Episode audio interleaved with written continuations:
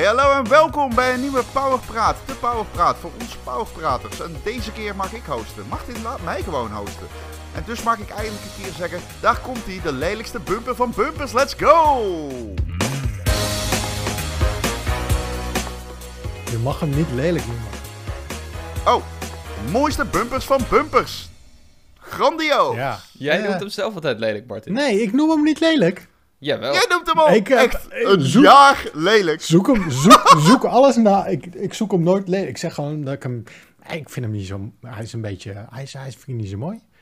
Ja, dan zeggen wij, dan moet je er iets aan doen. En dan zeg je, ja, misschien moet ik dat een keer doen. Ja, er daar iets- blijft het bij. Nee, Het nee, nee. Er, wordt, er wordt, wordt aan gedaan. Er, wordt aan gewerkt. Ik heb al de schetsen gezien van het nieuwe logo.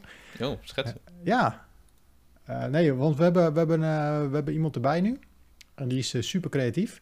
Maar wat hij doet, eh, als hij logo's maakt en dat soort dingen, design, dan tekent hij het eerst met de hand.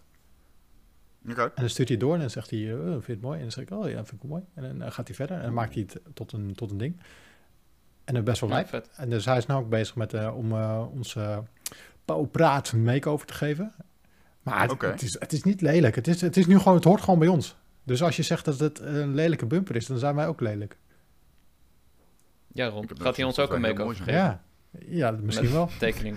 Ja, misschien wel. Het kan allemaal. Nee, maar alles krijgt een make-over. We worden straks allemaal helemaal fresh en nieuw. Sowieso een nieuwe, nieuwe website zit eraan te komen. Eh, daar, daar, eh, ja, dat wordt, eh, dat wordt vrij rap. We zijn, we Oeh, zijn, tease. tease, we zijn hard aan het testen. Eh, dus dat wordt dope. En dan geven we alles even een make-over. Dus eh, de bouwpraat, de social media. Dat het allemaal, allemaal weer even fresh uitziet. Fresh. Fresh. De redactie. Ja, we gaan verhuizen. We gaan ook verhuizen. We hebben- Wat kun je vertellen over de nieuwe redactie? Nou ja, eh, het wordt gebouwd. Ehm, we gaan, eh, ehm, het is een hele nieuwe locatie. Die, eh, het was een oude eh, autogarage met een benzinepomp erin. Dat, die wordt helemaal eh, kaal getrokken. Eh, wordt helemaal opnieuw opgebouwd. En het wordt een mooi, hip, fresh kantoor met een soort van glazen dak erboven. Dus eh, lekker veel licht. Eh, en het, wo- het wordt mooi, het wordt nieuw. En eh, ja, als het, En het wordt helemaal voor ons, toch? Niemand anders, alleen wij. Alleen wij. Nee, eh, we werken voor een, eh, voor een bedrijf dat heet Reshift. En daar werken nu zo'n 90 mensen, zoiets. Eh, dus dat zijn er best veel. En dus die hebben ook allemaal, allemaal een huis nodig. En daar, daar gaan we zitten met z'n allen. Maar dat is, eh, ja, dat wordt wel gezellig. Ik heb er wel zin in. Zin in. Want het oude pand, weet je, het is die, die groene vloerbedekking. Daar, dat is gewoon weinig, ja, krijg je weinig inspiratie van of zo. Laat ik het zo zeggen. Eh, maar eh, Ja. dit, ik heb de schetsen gezien en het ziet er allemaal wel, het ziet er wel nice uit, man. Eh, daar heb ik wel zin in. Daar heb ik wel zin in. Dus dat wordt mooi. Nice. Dus nee, we zijn allemaal, we zijn, er wordt druk gewerkt achter, de, achter de coulisses.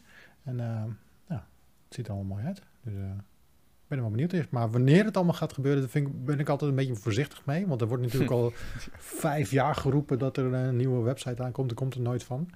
Na de Eh, zomer. Na de zomer. Dat is, het wordt al een soort van meme. Eh, het is al een meme. Dus eh, Het is al jaren de meme. ja, dus eh, nee, het, het gaat echt gebeuren. Hopelijk. eh, nou ja, het werkt. Ik, ik heb er zelf artikelen op gezet. Ik heb er zelf artikelen op. Jullie, hebben, jullie, jullie hebben het ook gezien, toch? Ja, Jacco, jij Ja, hebt- ja. Ja, het deel, ik, ja, ja. Nou, mijn geheugen is heel slecht, man. ja. Dus nou, Jacco heeft gezien. Jacco, het gezien. Jacco kan het bevestigen. Het bestaat.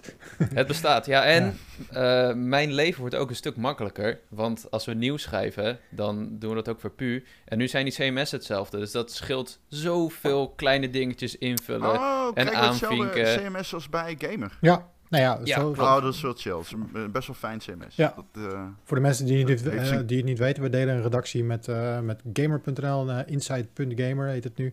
Eh, we zitten allemaal met elkaar. Ik mag de vlag zwaaien bovenaan, zeg maar ook. Dus, eh, de baas. De baas, ja. Eh, we, we- ja.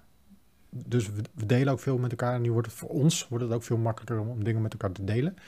Eh, dus eh, ja, de wereld wordt voor ons een stuk makkelijker en voor jullie mooier. En eh, ook een betere plek om je de content tot je te nemen.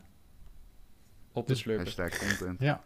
Goed, wat hebben jullie gespeeld de afgelopen week? Boy boys. Oud Rijders. Oh, is het wat? Staat op Gameepas. Ja, ik weet het. Ik, ik ben, Ja, ik ben- dat is wel chill, man. Ik, maar ik ben nu andere spelletjes aan het spelen op Ga mij pas. Dus die wil ik eerst even Mm. afmaken. Ik ook, eentje. Die mij onlangs is aangeraden door iemand. Ja? Ehm, Narita Boy zeker. Eh, Narita Boy. Dacht ik al. Ja, ja. Maar Outriders, vertel. Outriders ehm, is een schietspel. Is gemaakt door een Poolse studio, People Can Fly. En is coöperatief verhalend. Ehm, niet zoals It Takes Two, die andere co-op game die nu uit is. Maar het is echt meer Gears of War-ish met een verhaallijn, knallen, eh vier-man team. Verschillende klasses die tamelijk uiteenlopend zijn. Veel loot oppakken. Dat slagwerk eigenlijk. En is dat vet? En dat is de vraag die ik ook had voordat ik ging spelen natuurlijk. En ik zou je vertellen, het eerste uur is heel erg... eh, ah, ze proberen dan de lore en de wereld op te bouwen. Je bent letterlijk iemand die naar een vreemde planeet gaat om daar... eh, de aarde is fucked up. Weet je, het is fout gegaan op aarde. We hebben een nieuwe planeet nodig. Je komt op een nieuwe planeet daar. Je bent een outrider. Een verkenner betekent dat. En je gaat zeg maar even kijken van... Oké, nou in dat eerste uur van... eh, kunnen we hier letterlijk de vlag planten? Ja, dat kan. Ah, Oké, kan de rest ook landen? Ja, kom maar jongens. Kom maar, denk dat het hier goed zit. Het is hier best mooi. Fuck, elektrische stormen. Wat gebeurt er? Alles probeer, alles slaat in. Eh, de omgeving is geëlectrocuteerd. Ik kan nergens meer lopen. Ehm it turns to shit binnen dat uur. En vervolgens word je in een cryopot geduwd. Je wordt een x aantal tientallen jaren later wakker gemaakt. En eh, je wordt achter in een vrachtwagen gestopt. Je weet niet wat er aan de hand is. Maar eh, er zijn bad guys die hangen lijken op aan bomen. En die hebben heel erg zo van: Hm. wij zijn fucking evil. En je komt er ook gauw achter: oké, je bent dus in een wereld beland waarin facties tegen elkaar vechten. En ehm, deze planeet is eh, niet wat het, eh, wat het had moeten zijn. Nou, dat is eh Outriders. En je krijgt een speciale kracht. dat link je aan je classes, je class die je kiest. Je krijgt de keuze uit vier classes die echt heel erg vet zijn. En dat is denk ik de takeaway van deze game. Ja, natuurlijk, het is gewoon de zoveelste co-op shooter die draait op loot en RPG-elementen. Maar de RPG-elementen zijn leuk. Dus, in tegenstelling tot wat ik eigenlijk verwacht had, ehm, vind ik het best wel vet. Oké. Maar er is een eh, asterisk eh, die hierbij geplaatst moet worden. En dat is namelijk, ehm, het samenspel is leuk. Het is tamelijk pittig. Je kunt heel erg scalen in difficulty. Maar eh, tot nu toe zitten wij steeds aan de... Ik speel met iemand anders en we zitten steeds aan zeg maar, het uiterste van het moeilijkheidsspectrum. Dus we proberen steeds zo moeilijk mogelijk voor wat mogelijk is. Oké. Eh, en dan is het extra frustrerend als opeens de connectie met de server verdwijnt. En dat gebeurt dusdanig vaak op dit moment dat die game heel erg moeilijk aan te raden is. Is het leuk qua gameplay? Ja. Maar man, zit ik vaak scheldend voor mijn console. Ehm, het gebeurt sowieso op momenten natuurlijk dat je het niet wilt. Net voor een filmpje of zo. Dat je weer heel veel checkpoints opnieuw moet doen. Eh, de game doet gewoon aan, aan, aan harde reboots ook. Dat hij gewoon echt gewoon compleet eh, eh, vastloopt. En dat hij opnieuw geboot moet worden. Ehm, maar ook irritant is gewoon het feit dat er continu lag is. Als jij iemand joint, is er gewoon continu lag. Ehm, degene die host merkt daar niks van, degene die joint wel. En dat is echt zuur, want die game aan zich is wat ik nu wil spelen. Ehm, want ik heb ook Balance Wonderworld. en ik ben heel blij dat ik zeg maar Outriders nu heb. Zodat ik daar niet aan hoef te denken. Want die game is scheid aan een whole nieuw level, zeg maar. Ja. Ehm, dus dat is mijn therapie game nu. Alleen die, eh, die, die, die werkt maar half. Ja. Maar- fucking zuur. Behoud je wel je loot, zeg maar. Als je, iets, als je loot verdient eh, en de connectie gaat eruit, heb je dan nog wel al je spullen? Of moet je dan die dat weer opnieuw niet verzamelen? helemaal. Ik ben niet... Dat weet ik niet. Dat weet ik serieus niet. Het gebeurt zo vaak dat gewoon... Je accepteert het en eh, het is gewoon doorknallen, doorknallen. Ik moet zeggen, de loot sowieso... Ik, ik probeer er continu, zeg maar, de nieuwste versie van mijn loot te pakken. Zoals je dat ook in Destiny doet om je light level omhoog te krijgen. Doe je dat hier ook, dat je continu wel even op back drukt. Kijkt, oh, wat heb ik nu? Oh, dit is groen, dus beter, dan doe dat maar. Ehm, maar de wapens zijn wel overigens leuk in die zin. Bijvoorbeeld het allereerste wapen dat ik oppakte in de hele game was een eh, assault rifle. En ik zeg tegen Erik van, eh, dit is letterlijk de aller, dit is in het eerste uur. Ik, je krijgt dan een pistool, ik schiet een vijand neer en ik zie iets op de grond liggen, een wit ding. En ik pak het op en vervolgens heb ik een mijn eerste nieuwe wapen. En ik schiet daarmee op vijanden. Ik zeg tegen Erik, wat is deze game bloederig, man? En Erik zo, ja, het is wel eh, Erik van eh, de Ron en Erik podcast die ik doe. En hij zegt, eh, ja, het zal wel, eh, whatever, weet je wel. Hij, hij reageert zo van, ja, het is best bloederig. Maar blijkbaar had ik dus een perk op mijn wapen die ervoor zorgt dat de botten bij de laatste kogel van de tegenstander, zeg maar, als jij je laatste fatale kogel schiet, ontploffen de botten en wordt het vlees shrapnel. Dus die vijanden die, die ontploften gewoon tot vleespoppen zo. En dat soort shit zit er heel veel in. Het is wel leuk. Je hebt veel rare stuff die je kan unlocken op gadgets en shit. Dat maakt het wel cool. Ja, Eh, dus ik speel het met groot plezier. Het is echt tactisch. Het is moeilijk. Het is, je moet samenwerken. Je moet je skills gebruiken. Het is fast-paced. Je hebt cover, maar het is zeker geen Gears of War. Maar het heeft wel een beetje... Misschien wel dat Costa Rica Advanced Warfighter ding. Dat je gewoon echt zo van... Oké, we hebben een fuik. Daar, we, we zorgen dat de vijanden in die fuik komen. En zo gaan we het halen. Eh, dus je moet wel echt samen afspreken hoe je het gaat doen. Al die shit is vet. Niet vet. Je ligt er om de 5 minuten uit. Ondoenlijk.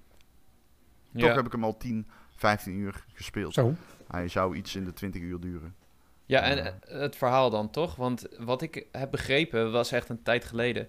Is dat die ontwikkelaars heel erg eh, duidelijk wilden maken dat dit geen Destiny is die je eeuwig kan blijven spelen voor de raid en zo. Nee. Maar dat vind ik best wel Nee, chill eigenlijk. Als dat- Ja. Ja, eh, dus het valt me ook mee dat hij redelijk in de lengte is. Dus dat je na 20 uur nog steeds je game kunt spelen. Ja. En dan nog steeds nieuwe missies krijgt. Dat is fijn. Maar je krijgt geen nightmares, eh, quests, of zeg maar je, nightfalls, pardon. Je hebt niet dat soort dingen. Het is geen... ehm, je, je moet er altijd voor online zijn. Maar dat zou niet echt hoeven als je hem zou zo leren. Maar dat kan ik niet echt aanraden. Het is wel echt een co-op game. Ja, het is gewoon een Gears of War singleplayer met loot. Zo moet je het zien. Mm, en het werkt. Oké, ja, dat, is wel, dat is wel wat ik zoek in co-op games. Of in ieder geval dit soort loot shooters. Borderlands heeft dat ook, dat je gewoon samen door het verhaal kan en dat je echt Ja. een g- flink stuk content hebt en daarin leuke loot verzamelt. Eh, en niet per se zoals Destiny echt een heel kort, niet-zeggend verhaal hebt en dan dat de game eigenlijk pas begint. Daar, daar ben ik echt veel minder van. Ja. Ja, dat is dus het, eh, eh, het gunstige aan deze game. Je, bent, je begint ermee, maar je bent er ook mee klaar. Gewoon on a set point. En dat zou ergens in de 20, 25 uur marge liggen. En dat vind ik een mooie, ja, mooi tijdsbestek, zeg maar, voor zo'n game. Is ja, niet... en het is ook... Sorry. Ja, zeg het maar. Nee, ik, ik wilde alleen zeggen, het is echt super chill dat deze game op Game Pass staat. Want bij dit soort titels is het altijd lastig van eh, wie, wie gaat op welk platform spelen. Eh, je moet vrienden bij elkaar krij- krijgen, die moeten de game weer kopen. Eh, voor 60 euro, dat is weer een investering. En nu kun je gewoon zeggen, hey, heb je Game Pass? Kunnen we samen spelen? Ja, Maar is dat ook niet Ja, het- weet- grootste probleem van deze game? Dat hij daarom eh, het nu best wel zwaar heeft, omdat heel veel mensen tegelijk erop springen.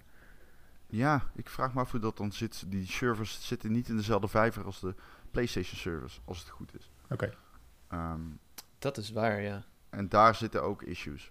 Kijk, wat ik altijd hoor is dat serverproblemen niet zozeer te maken hebben met overbelasting. Althans, daar wordt dan over gesproken. Maar het is vooral het redirecten van spelers.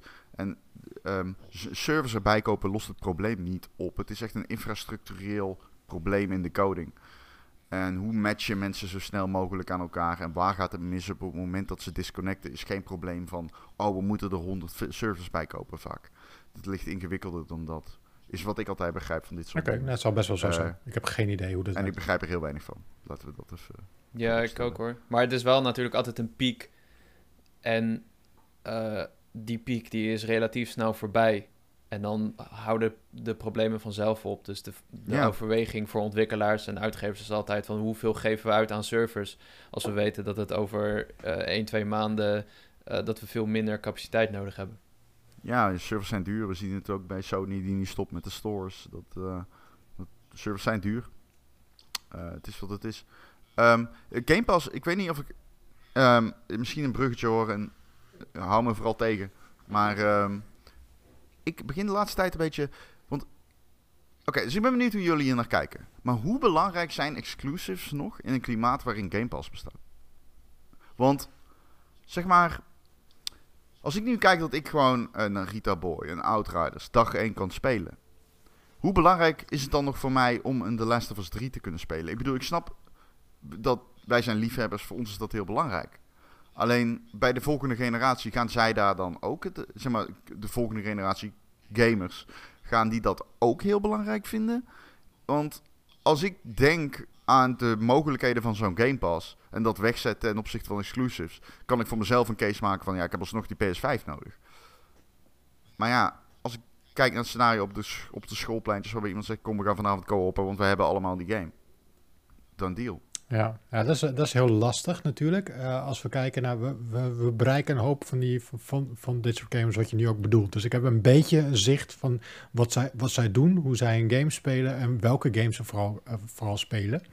En zo'n zo'n The Last of Us uh, exclusive, het is, dat is duidelijk een 18-plus game. Daar hoef je niet bij aan te komen met die, met die 12-jarige nee. kiddo's. Ze mogen hem sowieso niet spelen, maar ze snappen het ook niet.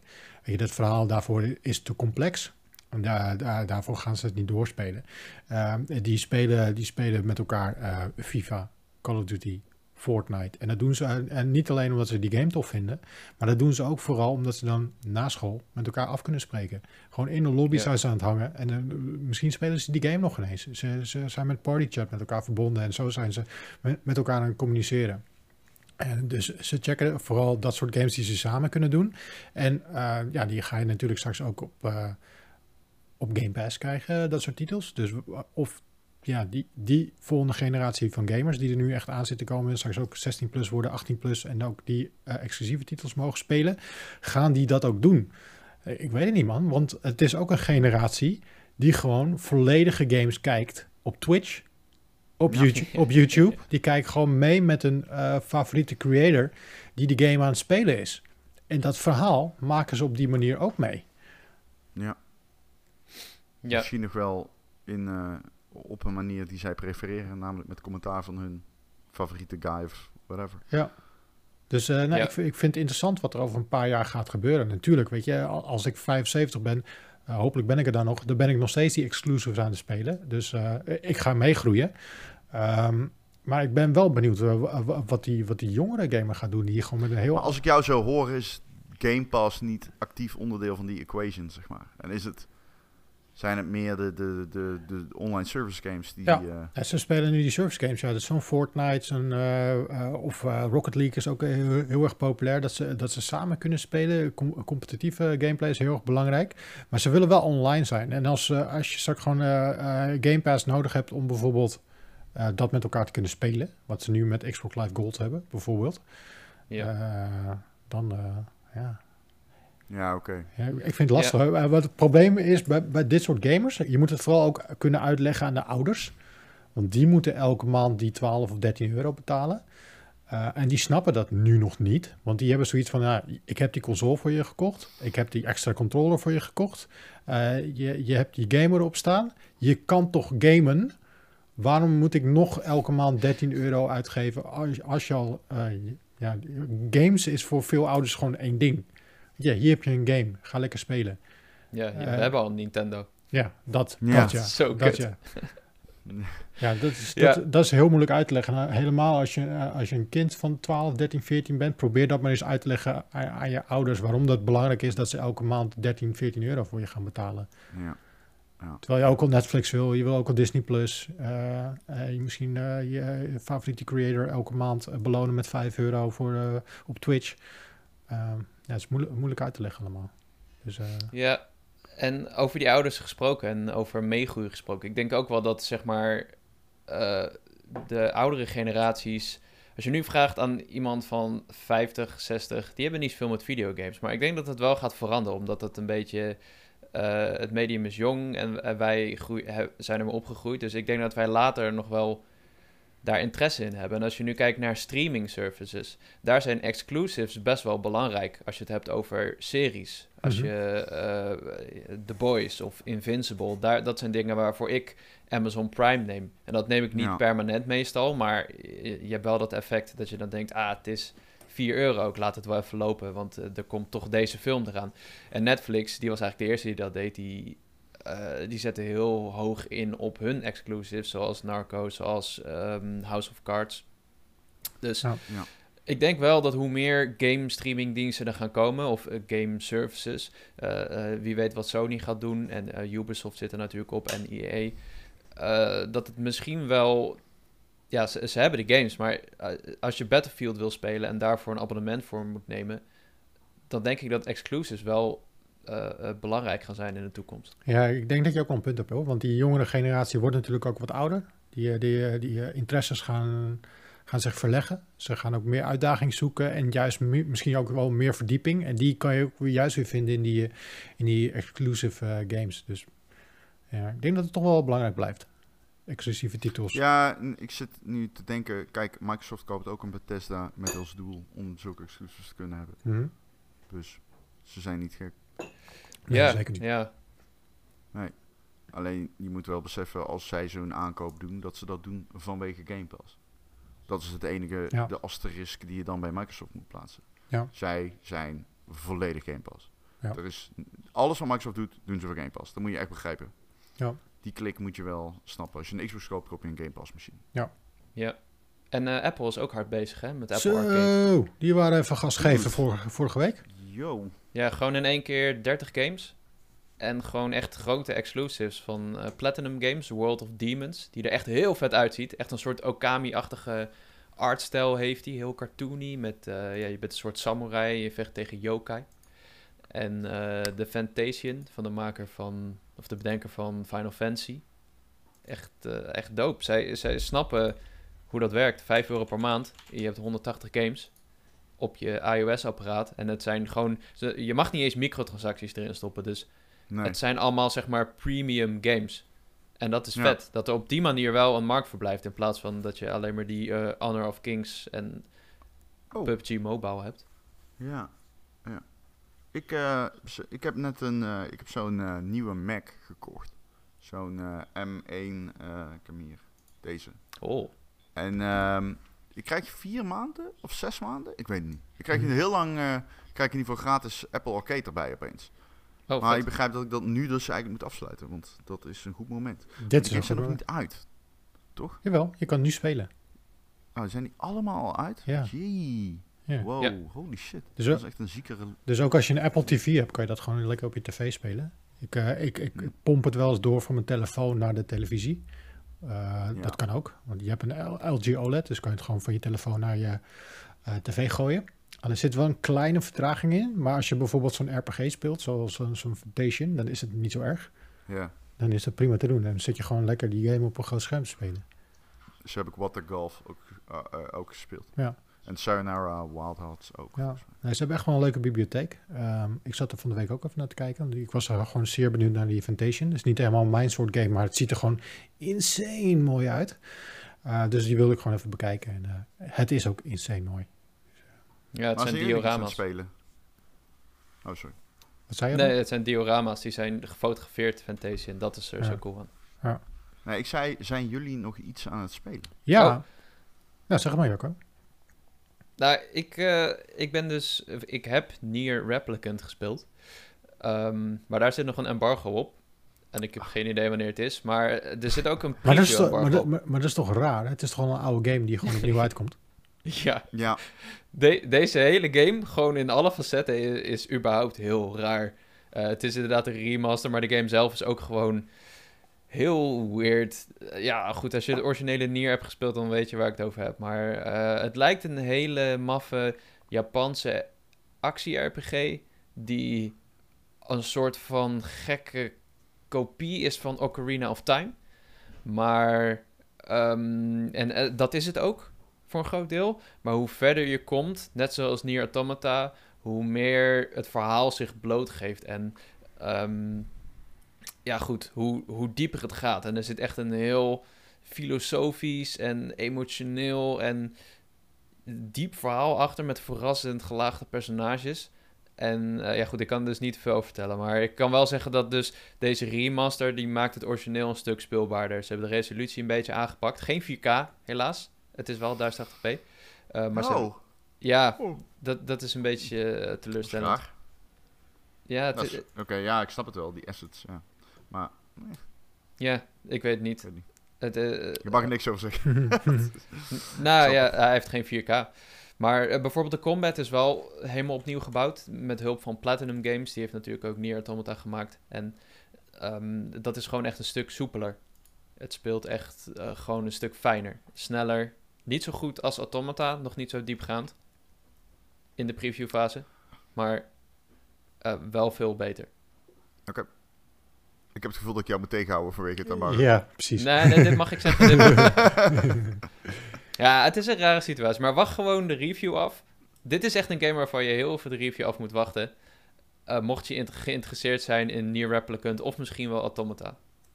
Ja, oké. Dat, dat is wat ik erover zeg. En het is een rare game. Dat is wat het is.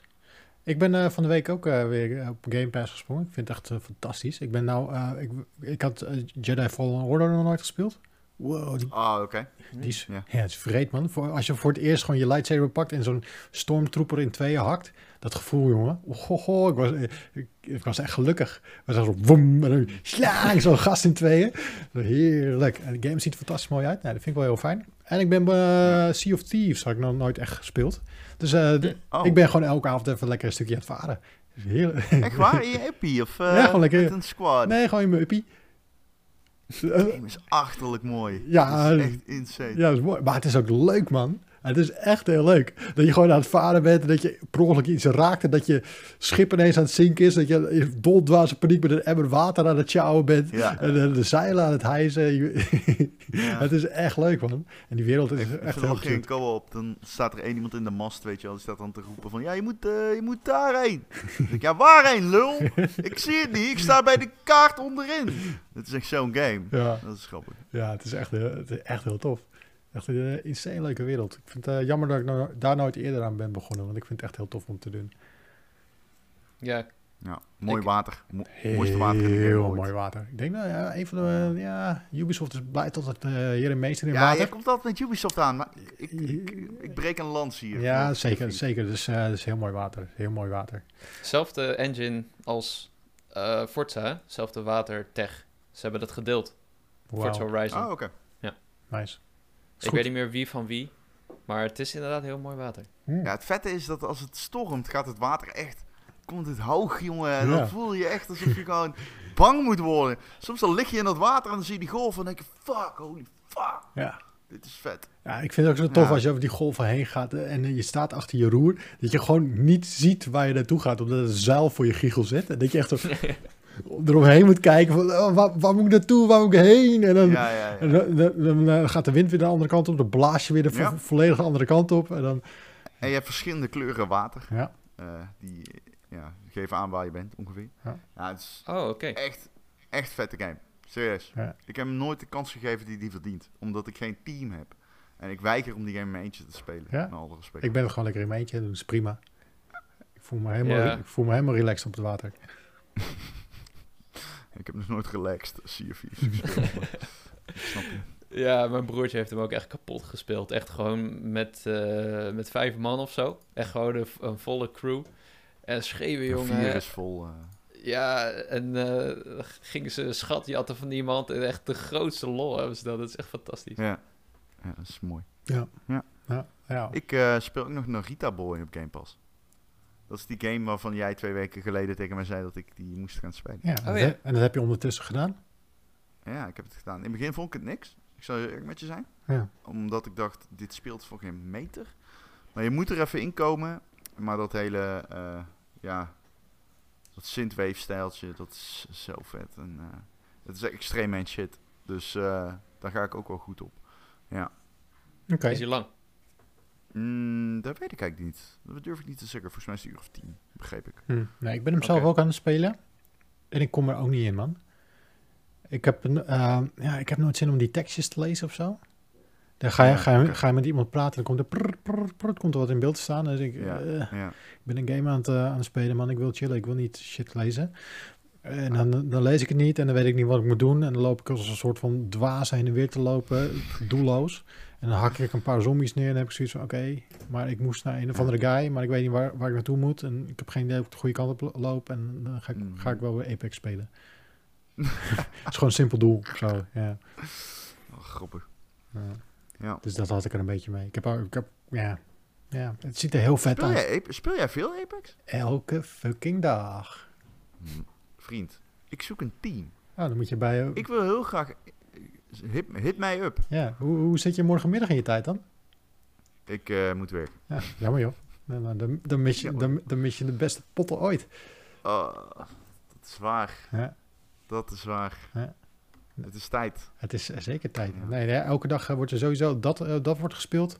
En de laatste tijd dus wat eh, Sea of Thieves. Leuk. Ja. Hey, Dat is wel cool. wat is jullie favoriete tekenfilm van vroeger? De Bakkermuis voor Maas. Jacco? Ehm, ja, van vroeger. En Waar, waar, waar, waar- Wat houdt in van vroeger? Zeg maar... eh, eh, ja. Oké, Ja, ja, ik, ik leg het wel uit. gewoon, gewoon op je knietjes voor de televisie zitten, uit bed komen op zaterdagochtend. Oh ja, nee, dan, dan is het Pokémon. Ja? Natuurlijk. Jij nog steeds Mice for, eh, for Mars? Ja? Oké. Ah, of Louis World. Maar... Wie? Hoe heet hij ook weer? Nee, eh Louis... Oh, fuck. Van Is Louis dat- Anderson, die serie. Met die pet? Was het Louis World? Volgens mij was het gewoon Louis World. Life with Louis, die bedoel ik. Life with Life Louis. Oké, die ken ik niet. Ja. Nice. Zijn jullie bekend met eh, Adventure Time? Ja. Zeker, absoluut. Vind, Ja, vind je dat leuk? Ik weet nog mijn eerste kennismaking met eh, Adventure Time. Vertel. Toen zat ik bij eh Treyarch eh, in, eh, in L.A. Eh Treyarch maakt van kot. En die hadden... Ik moest wachten op een interview. En toen hadden ze iets aangezet voor mij. En dat was eh, Adventure Time. En ik zat te kijken en dacht, what the fuck is dit jongens? Wat is dit? dit is zo raar. Is dit voor kinderen? Eh, Maar goed, ja, dat is. Jacco? Ja, ik ken En het wel, maar eh, nooit... altijd eh, ge- gewaardeerd. Ja, sorry. Ja, nee, ik heb nooit echt doorgekeken of zo. Ik heb wel een paar keer afleveringen gezien, maar nooit... eh, niet zoals Rick en Morty. Dat heb ik echt gebinged, maar niet... eh, niet Adventure Time. Oké, nou cool. Ik heb wat leuks voor jullie. Eh, want eh, ik heb namelijk gesproken met de Nederlandse stem van Finn uit Adventure Time. Eh, er komt een, komt een special, Adventure Time special op 19 april op Cartoon Network. En hiervoor mocht ik hem even spreken. Komt hij? Nou, komt hij niet live in. Ik had het vooropgenomen. Ja, dat snap ik. Ik zag Jakker zo kijken van, wat, wat gaat hier gebeuren? Wat gaat hier gebeuren? Er gaat wat gebeuren. Er gaat wat gebeuren. Komt weer iemand in de, in Nee. de Discord. Nee, nee, ik dacht, het, ik dacht even dat jij de stem was. Ik, dacht dat je het ging onthullen. Nee, ik ben niet de stem van Finn. Maar goed, Kun je wel, denk ik. Hier komt dus de echte stem van Finn uit Adventure Time, Bojan van der Heijden. Ja, daar zijn we dan. Eh, Bojan, of moet ik Soef de Haas zeggen, of Finn, jij, jij bent bijna alles en iedereen. Want als jij praat, dan, eh, dan herkennen mensen misschien jouw stem wel. Goedemorgen. Het klinkt wellicht eh, een beetje schizofreen als je het zo aankondigt, inderdaad. Maar eh, ja. klopt. nee, ik heb Nee, inderdaad... jij, jij eh, bent, jij bent stemacteur. Ja, En, nou hebben wij, ehm, eh, eh, nou ja, wij, wij, wij zijn natuurlijk bezig met een medium. eh, wij spelen veel games, we kijken ook veel films en series. En we, we horen natuurlijk veel eh, stemmen eh, vaak voorbij komen. En natuurlijk is het, het, het is altijd een soort van gekke droom van mij geweest. om ooit een keer ook een stemmetje in te kunnen spreken in een videogame of een serie of, of iets anders. Nou, nou, nou, nou zit je hier natuurlijk. Hoe Ja. kan je dat in godsnaam regelen? Als jij denkt van, hé, hey, ik, heb wel, ik kan wel een leuk stemmetje opzetten. Sowieso, is, is dat het ook? Is het, is het een stemmetje opzetten? Of denk ik er veel te makkelijk over? nee, het is, het is wel iets meer dan, eh, dan, dan alleen een stemmetje doen. Mensen denken dat inderdaad wel vaak. Maar het is toch wel echt eh, veel meer gericht op, op eigenlijk echt acteren, inderdaad. Eh, en het is Ja. eigenlijk een soort van het bijna acteren met een handicap. Je, je kan namelijk niet je lichaam gebruiken om iets uit te beelden of extra emotie te laten zien. Dus je moet het allemaal met je stem doen.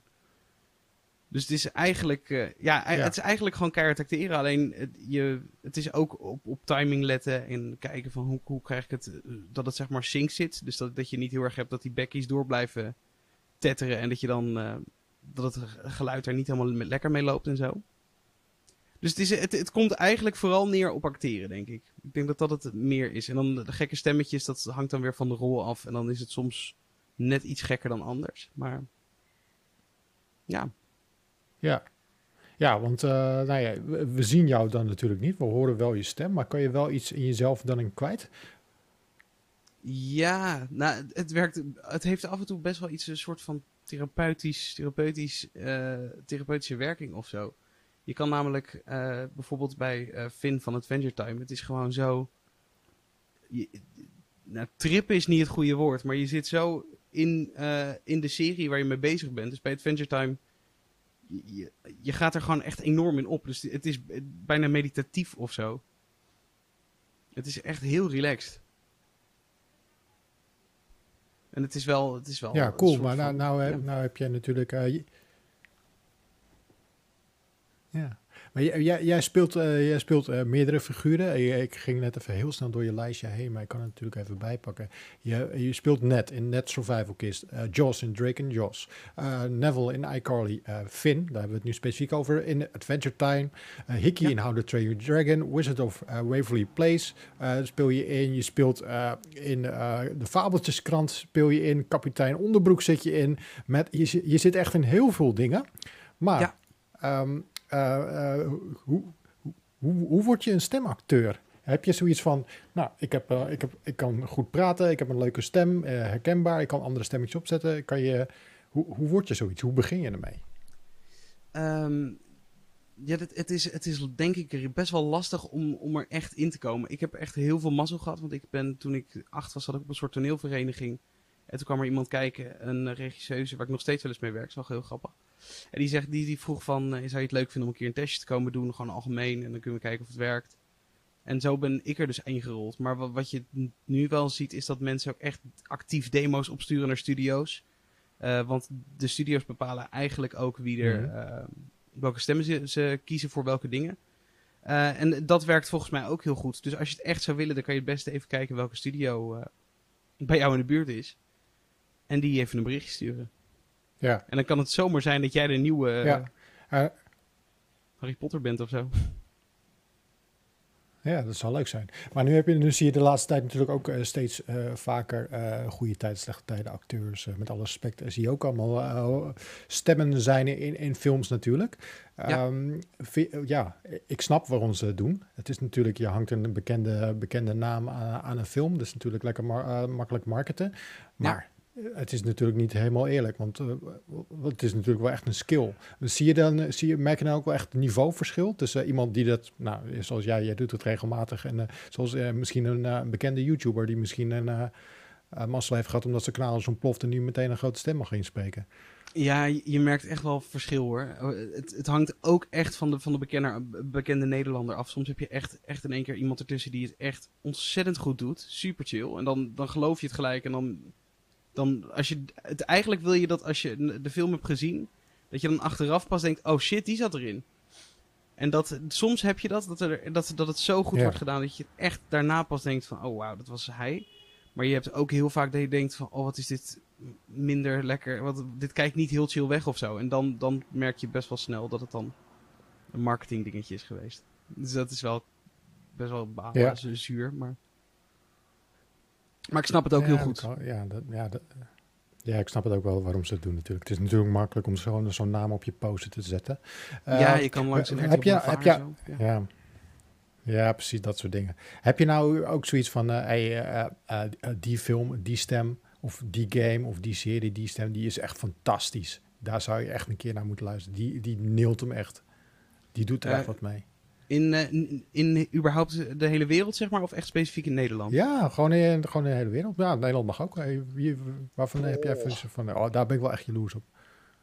Ja, die Harry Potter films die had ik sowieso wel willen doen. Maar ja, qua games en zo, Last of Us, joh, dat is echt... Dat, dat, dat zit zo lekker. Dat is zo ontzettend...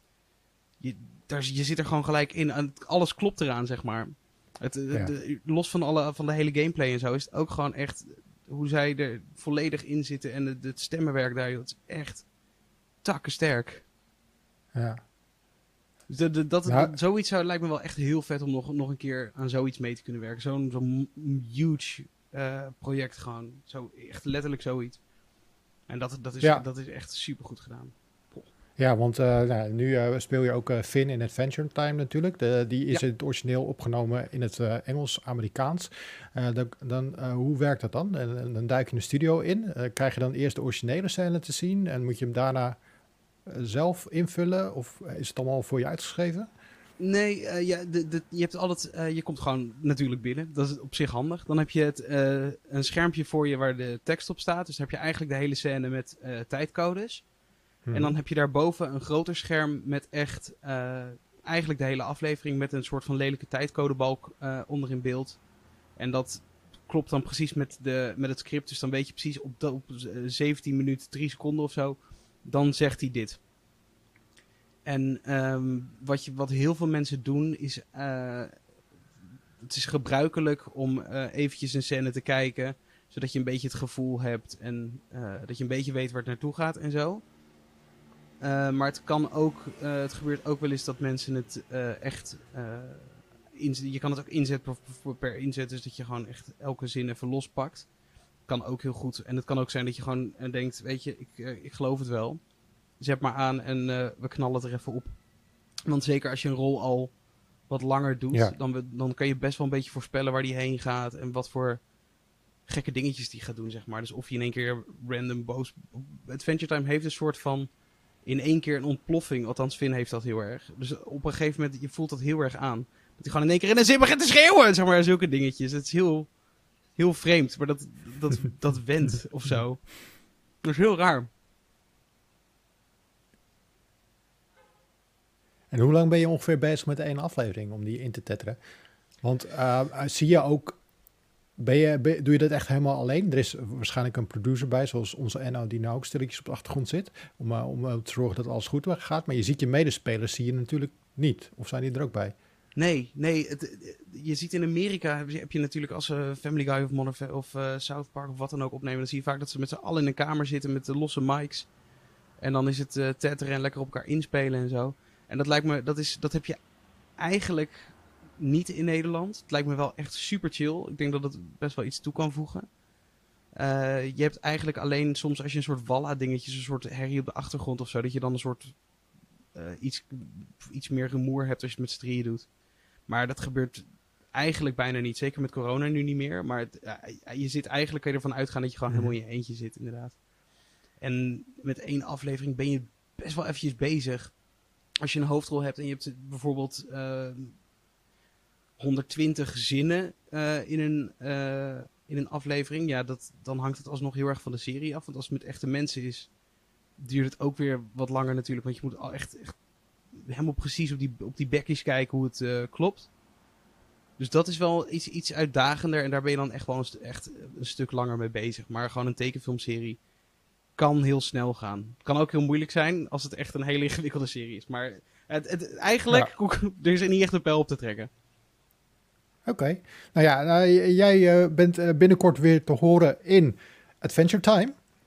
Ik Ja. vind ehm, eigenlijk, je mag hem zelf eh à la Finn, mag hem even aankondigen wanneer we kunnen kijken op, eh, op Cartoon Network. Oké jongens, het is bijna weer tijd voor avontuur. Binnenkort zie je alle seizoenen van Tijd voor Avontuur op Cartoon Network. Hartstikke idee, doet hij gewoon. Hotsekeetjes. Super. Super bedankt voor je tijd, hè, Bojan. Ja, natuurlijk We man, dankjewel. Leuk. Ah, dat stukje moest er gewoon even voorbij. Ik, zo mooi hoe Jakker zat te kijken van, oh, nee, er gaat wat gebeuren, er gaat wat Ja, ik gebeuren. was zo mooi die die uitleg gaf. Ik dacht, ja, dat snap ik, lul. Jezus. Fucking mooi. Ja, maar die gast heeft zoveel stemmetjes gedaan. Hij is bijvoorbeeld ook Soef de Haas uit, eh uit uh, Fabische krant. Hij, elke teken, Hmm. Nederlandse tekenfilm zit hij wel in. Met een hele jonge guy nog. Dat is super grappig. Hey, eh, Oh, jongens, eh, voordat we verder gaan. Ik zet beneden weer even een uploadje aan. Want eh, iemand zit eh, te wachten op mijn, eh, op mijn file. Dus ik ben even twee seconden beneden. kom ik weer naar boven. Gaan we weer verder. Is goed hoor. Zullen we vingers van de knippen? wereld. Nou, je mag hem gewoon even aan laten staan. Ik ben echt binnen ti- 30 seconden ben ik weer terug. Nee, maar dan tover je weg. Poes. Hallo Poes. Ja, gaan we weer? Martin is bevolen. Ben ik er weer? Oh ja. Toem. Au. Auw. Ja, dat ben je. ben ik weer. Goed, dat was Bojan, oftewel de stem van Finn uit Adventure Time. Eh, de special begint op 19 april op Cartoon Network. Dus als je dat wil kijken, moet je dat gewoon lekker doen. Eh, goed, eh, we hebben de poes van Ron net gezien. Hier komt stoot even zijn kop tegen de, de microfoon aan. Gaat dat met de poes? Ja, is leuk. Die ene is net geopereerd. Tekken. En Tenshu zit op het... eh, Oh, had hij, Ah. daar, had hij daarom een truitje aan? Ja, ja hij, is een beetje, hij is een beetje zielig. Al zou je dat niet zeggen als je hem nu letterlijk op zijn rug ziet liggen met alle vier de poten omhoog. Wat had hij dan? Ik was... Nou, hij moest geholpen worden, gesteriliseerd. Hij was Ah. ze, ze, ze was krols. Heb je ooit een krolse kat thuis gehad, Martin? Eh, nee. Nee, want als je dat had, dan had je het wel geweten. Oh mijn, holy Is het vies? fucking shit. Nou, vies. Eh, het is gewoon alsof je een kleuter in huis hebt die in brand staat. Zo'n geluid maakt een krolse kat. Ah! Ik zit gewoon echt op de bank tv te kijken en dan hoor je zo naast je... Jij dacht dat Wat gebeurt er? was. Ik snap dat je, ge- dat je geneukt wilt worden als kat, maar dit, is, dit kan niet werken. Ah, het is echt ongelooflijk. Dus eh, ik ging naar de dierenarts en ik zeg, ja, eh, liever eh, vandaag dan gisteren, zeg maar, of liever gisteren dan vandaag. Eh, die zei, eh, ja, is het echt zo erg? En toen ging die met zijn kont zo omhoog en deed hij... En de dierenarts zo, ik heb morgen wel een gaatje. Top, kom maar op 9 uur brengen. Anders niet normaal, niet te doen. Het is echt veel erger dan ik had verwacht. Ja. Oh, Dus, eh, nou ja, ze is geholpen en nu is ze heel erg zielig, maar eh, op dit moment niet. Op dit moment ligt ze lekker te slapen met een beetje omhoog. Hm. Ziet er schattig uit. Maar daarom heeft ze dus een vestje aan. Oké, nou, dat is belangrijk. Hey, eh, Jacco, jij kwam la- laatst met het nieuwtje bij ons op de website eh, over onderzoek vindt verband tussen probleemgokken en lootboxen kopen. Eh, ja, klopt. Ja, dat was een onderzoek van twee universiteiten in Schotland of Engeland uit mijn hoofd. Ja. Ehm, maar wat zij hebben gedaan, het is zeg maar een, een, eh, een systematische review. Dus dan pakken ze eh, bestaande onderzoeken eh, uit de afgelopen twee jaar, 2018 tot 2020 was het. En eh, dan vergelijken ze en de bevindingen, maar ze hebben ook alle datasets zelf opnieuw geanalyseerd. Dus dat is altijd het ding van wetenschap. Je moet het zo transparant, herhaalbaar mogelijk maken. En dat hebben zij gedaan. En wat ze zeggen is dat er uit surveys van 13 eh, studies blijkt dat mensen die veel geld uitgeven aan lootboxes oververtegenwoordigd zijn door mensen die eh, probleemgokkers zijn. Dus daar zit een verband tussen. Maar ik zag veel mensen alweer met dat nieuws aan de haal gaan. Ehm, die moet je wel heel goed in het achterhoofd houden dat het één surveys zijn. Door, ingevuld door gamers of mensen. Ik weet niet precies wat de doelgroep was. Eh, dus die, dat hebben ze allemaal zelf. Ze hebben zelf aangegeven hoe ze zich voelden. Niemand heeft zeg maar gekeken naar eh, of het echt veel geld is wat ze uitgaven en of ze echt probleemgokkers waren. Eh, en twee, dat het dus een correlatie is. Dus je weet niet Ja. of mensen die probleemgokkers zijn een game kopen en denken: hey, ik kan hier lekker lootboxes kopen. Of dat je lootboxes koopt en dan naar, de, naar het casino gaat en daar problematisch gedrag vertoont. Dus dat is. Ja, eh, het causale verband is eh, wat dat betreft Ja, eh, precies. niet eh, Ja. aangetoond. Ja, oh, jeetje. Ik eh, las dat nieuws en ik dacht ook wel een beetje, ja, Kel Surprise, dit klinkt heel erg gewoon logisch. eh, dat het lijkt me niet zeer verwonderlijk of zo. Dat, Ja. dat mensen die... Het zijn digitale trekautomaten. Dat zijn het gewoon. Zeker die blind boxes. FIFA, ik heb zelf zo belachelijk veel geld uitgegeven aan FIFA lootboxes. Genant, genant. Veel te veel om hier te vertellen. En ja, dat, dat is ook gewoon een verslaving tot op zekere hoogte achteraf. Ja, dat, ja, zeker. En als je. ehm, eh, ze hebben dus ook.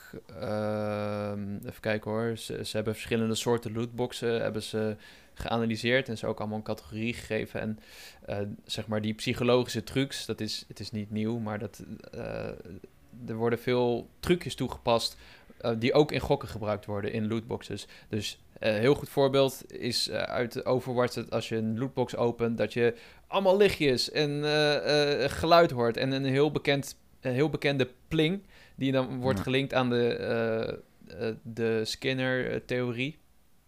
Ehm, eh, Oh. Dat je zeg maar afgericht wordt, eh, dat, dat, dat je associeert dat geluidje met iets leuks. Pavlov. Eh, Aflof ja. effect, ja. Ja, precies. Eh, en bijvoorbeeld eh, het devalueren van geld. Dus als je in een casino komt, dan geef je eerst je echte geld uit aan muntjes. En die plastic muntjes, ja, het zijn plastic muntjes, dus die heb je. En dan geef je ze toch sneller uit. Dus daarom kopen mensen eh COD points of ander soort eh, eh, eh, Fortnite dingen of whatever. Ehm, en de fear of missing out. Dus eh, ehm, dat Hmm. mensen bang zijn om iets te missen.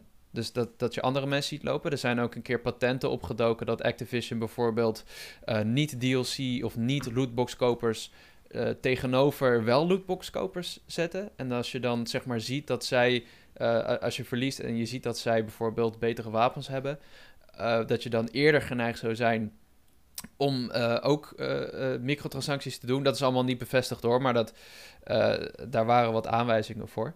En wat ze ook vaak doen, is een soort van patroon creëren. Want mensen die zien Hmm. altijd overal patronen in. Dat is ook zeg maar als je iets ziet en het lijkt op een gezichtje of op een voorwerp, dan eh, probeer je het altijd in een hoekje te plaatsen. En als je dan bijna wint, dus je krijgt iets wat eh, net niet goed is, dan ben je eerder geneigd om door te gaan. Dus ja, dat zijn een beetje hun conclusies eruit. En ehm, hun suggesties eh, waren aan de ene kant van... hé, hey, we moeten nog meer onderzoek doen... want er wordt veel onderzocht, onderzoek gedaan naar gokken... Maar, en gameverslaving, maar niet specifiek naar lootboxes. Eh, en aan de andere kant ook, ja, eh, we moeten het vermelden bij leeftijdsclassificaties. Eh, er moeten betere definities komen... waardoor bijvoorbeeld een IE niet die, loot, die reglementen kan omzeilen... wat ze vaak proberen, of andere bedrijven. Ehm, ja, dus in die zin was het wel een waardevol onderzoek. Maar het is niet een, hele openbaring dat, eh, zoals jij zei Ron, dat, dat er een verband misschien is tussen lootboxes en probleemgok. Nee, ja, wat het onderzoek bevestigt is wat wij al weten. Is namelijk dat die lootboxes gemaakt worden om bepaalde triggers te realiseren bij mensen die ze kopen. En Ja. vaak zie je ook dat het echt de big spenders zijn waarop ze mikken. Ze mikken niet op, zeg maar, dat jongetje dat een keer 5 euro krijgt van zijn ouders om die lootbox uit- te kopen. Ze mikken op die 1% die 2000 euro uitgeeft. Ja, dat is En 5 dat- of 10 dat- procent volgens mij. Ja, dat zou kunnen. Ik ken de percentages niet. eh, dus als het in die orde zit, geloof ik dat. Maar zou ik nog redelijk veel vinden. Maar je hebt, je hebt absoluut. Die, die psychologie erachter is absoluut. eh, op een zekere zin interlaced met gokken gewoon. En dat is wel een beetje vies. En dat heb ik altijd vies gevonden. En daarom heb ik altijd.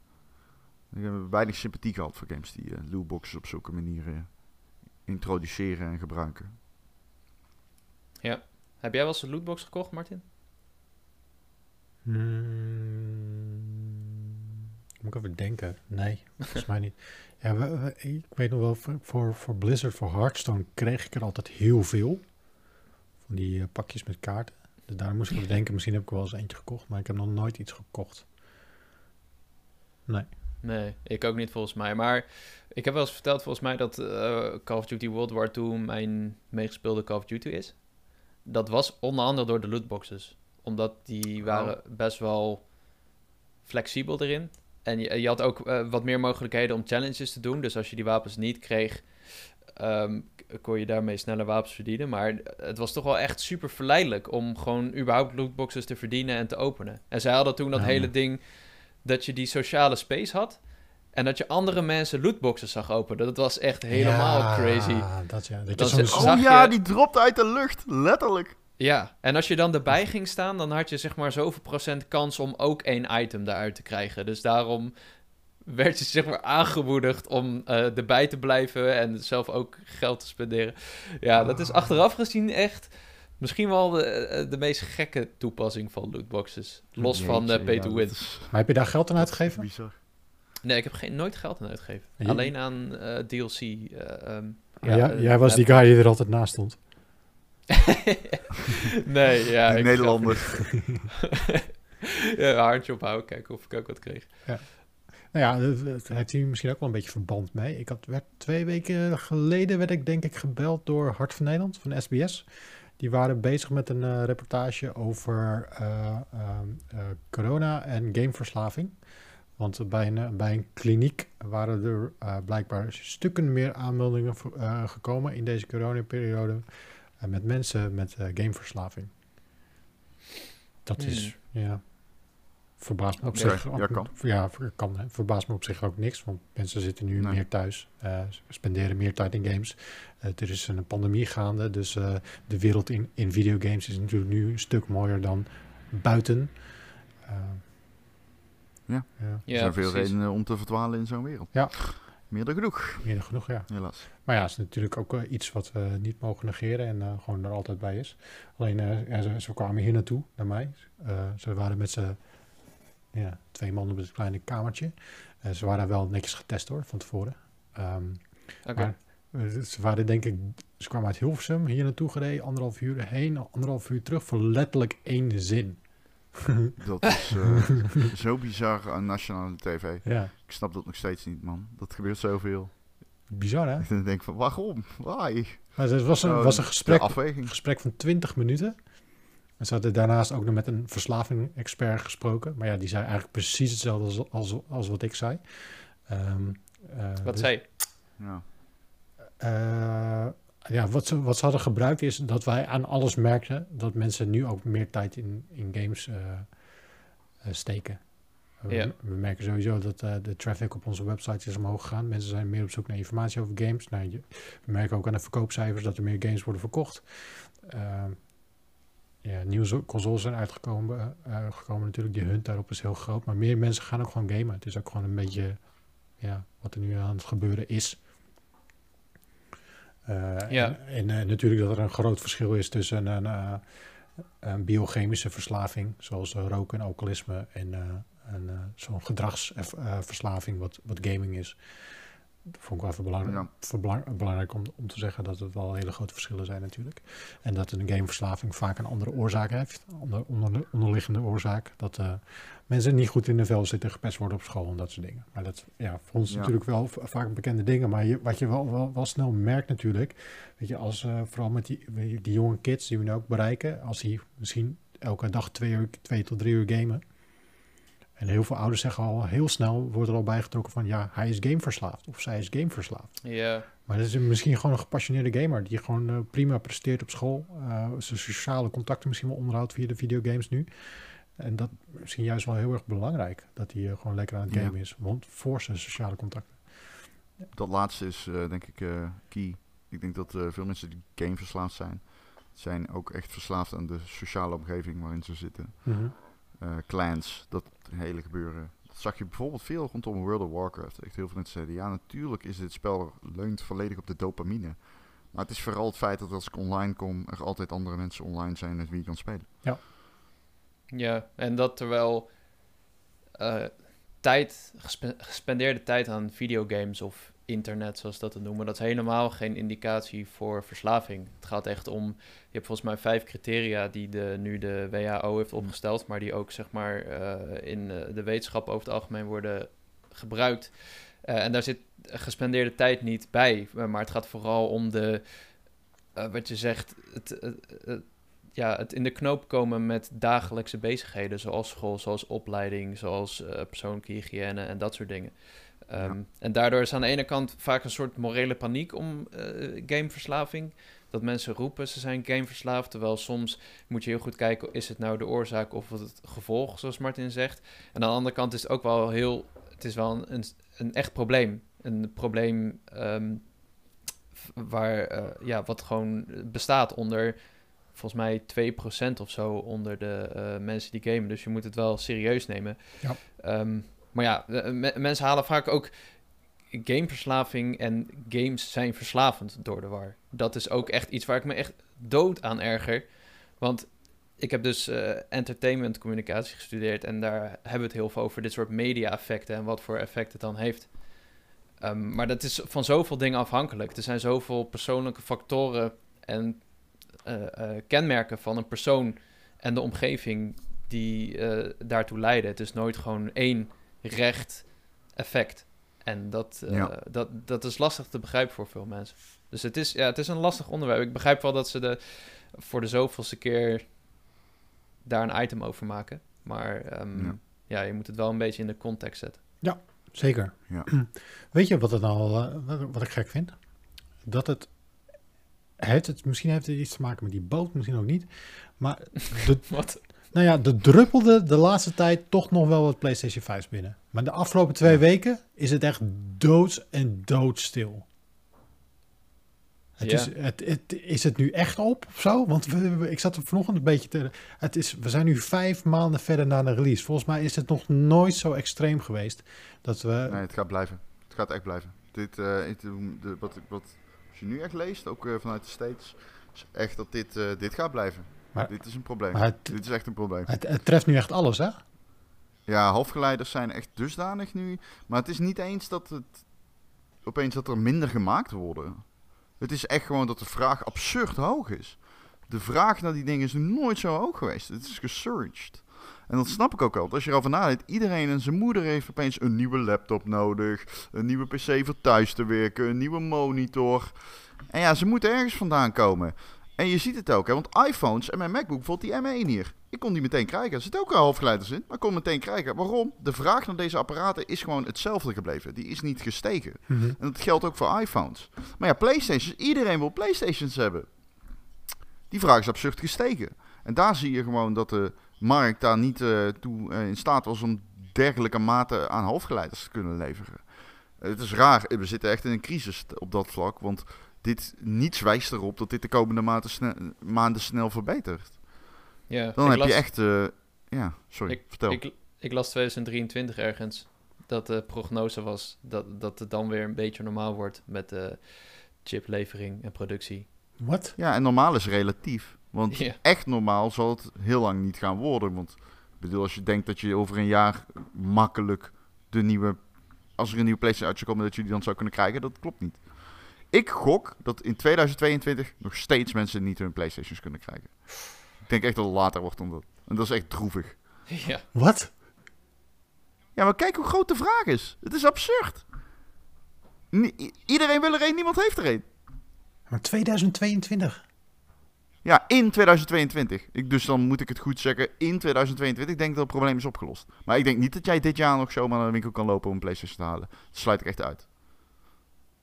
Ja, het zou wel zuur zijn. Wauw.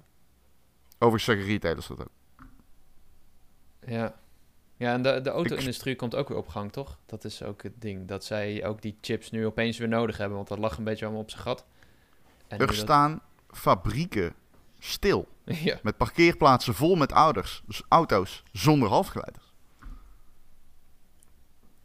ja. Maar kan ik, Terwijl- kan, ik, kan ik ergens, kan ik, crisis. kan ik iets doen om te helpen? Kan ik halfgeleiders gaan kleien of zo? Is er iets wat ik kan doen? Ik- 3D-printen. he- Heb je ergens twee kwartgeleiders liggen? Misschien kun je ze aan elkaar leggen. ik weet Ja, of niet, een hele, en dan, dan kun je hem doormidden zagen. En dan heb je ook twee Ik halfgeleiders. sprak een kleine retailer uit Nederland, nog geen week geleden. Een kleine retailer, echt heel klein. Die heeft een eigen zaakje, lekker hier in Braba. Die zegt, als ik met kerst één PS5 verkoop, dan heb ik het goed gedaan. Zei hij. Hij zei, ik verwacht tot kerst nul Playstations. Jezus. Ja, dat is de situatie. Wat? Het is crazy. Niemand weet waar ze zijn ook. Niemand weet waar ze zijn. Niemand weet het. Zelfs de grote mediapartijen weten, of de grote retailers weten niet waar hun Playstations zijn. Insane. Ja. Kun je nagaan dat Nintendo ook nog een, eh, een Switch Pro wil uitbrengen dit jaar. Ik vraag Maar- me echt af hoe ze dat gaan doen. Maar dat gaat, er ook tien. dat gaat dan toch niet gebeuren, Jacco? Dat kan toch niet? Ja, ze, ze, ze zouden in juni in productie moeten gaan. Ja, je kan niet te lang wachten met produceren ook. Ja, Dat is ook weer stom. ja want die problemen blijven ze natuurlijk aanhouden. Ja. En je, je business ligt stil. En niemand koopt Switches als ze weten dat er een Switch Pro komt. Het is een self-fulfilling prophecy. Ja. Wauw. Het is een probleem. Ja, ja, het is een probleem. Het is ironisch dat voor sommige producten wel gelden, voor anderen niet. Maar wat nou als je PlayStation 5 kapot gaat? Ben je dan fucked? Of, eh, Hoe bedoel je? nou, stel Zolang je... de halfgeleider niet kapot is. Ja, hij kan nog wel gerepareerd worden, maar je kan niet even teruglopen naar de... Naar de of, of hem even terugsturen dat je een nieuwe krijgt. Er zijn winkels, zoals Bol en Mediamarkt en Coolblue en zo, die hebben wel wat Playstations achtergehouden. Ja, Ja, voor, voor, voor, dit, eh, voor dit dat soort dingen. Ja, ja, dat is waar. Ja, en ik heb volgens mij ook eh, wat mensen gezien bij de launch dat ze problemen hadden en dat die toch terug moest. En dat is ook gewoon goed gekomen. Dus eh, kapot gaan is volgens mij niet zo'n heel groot probleem. Niet iedereen zijn PS5 moet op mensen kapot gaan. Hm. Er moet geen eh, red, eh, red streep of death ontstaan. Dat, is, dat zou een probleem zijn. Oh, dat... Ja, holy shit. Ja. Ja, maar het is bizar hè. Dit is echt... Want het begint nu echt aan te nemen waarbij ik gewoon echt denk van... Bijvoorbeeld, ik wilde die... eh, ik wilde laatst een headset kopen. En die, die was gewoon... Die was er niet. Ik kon die gewoon niet kopen. Ik weet niet of dat met halfgeleiders te maken heeft... Of gewoon met leveringsproblemen. Of gewoon prioriteiten bij hardwarefabrikanten. Dat kon ik gewoon niet, niet krijgen. Dat was er gewoon niet. En dat zijn van die dingen waar ik nu langzaam maar zeker die, die je moet leren accepteren. Gewoon dat dingen er niet zijn. Bestaat niet. Bestaat gewoon niet. Je kan het gewoon niet krijgen. Blij zijn met wat je hebt. Dat is wat ze ons proberen te leren. Ja, dat is, dat is de les inderdaad. Het gaat niet om geld. Het gaat om principe. Nou, ik wil toch gewoon lekker spelen op mijn PlayStation, jongens. Ja, natuurlijk. La, la- ja, jongen, jongen, jongen. Goed, we, we, we breien er een eind aan. We zitten alweer veel te lang te lullen.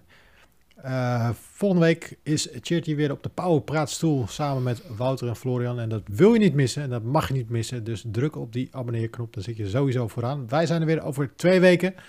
Dan heeft eh, Ron ongetwijfeld weer een eh, vers, veel te duur shirt aan. Jacco zijn haren weer gekamd. En we hopen je dan weer te zien en te horen, te luisteren. Zoiets. Doei! Groetjes.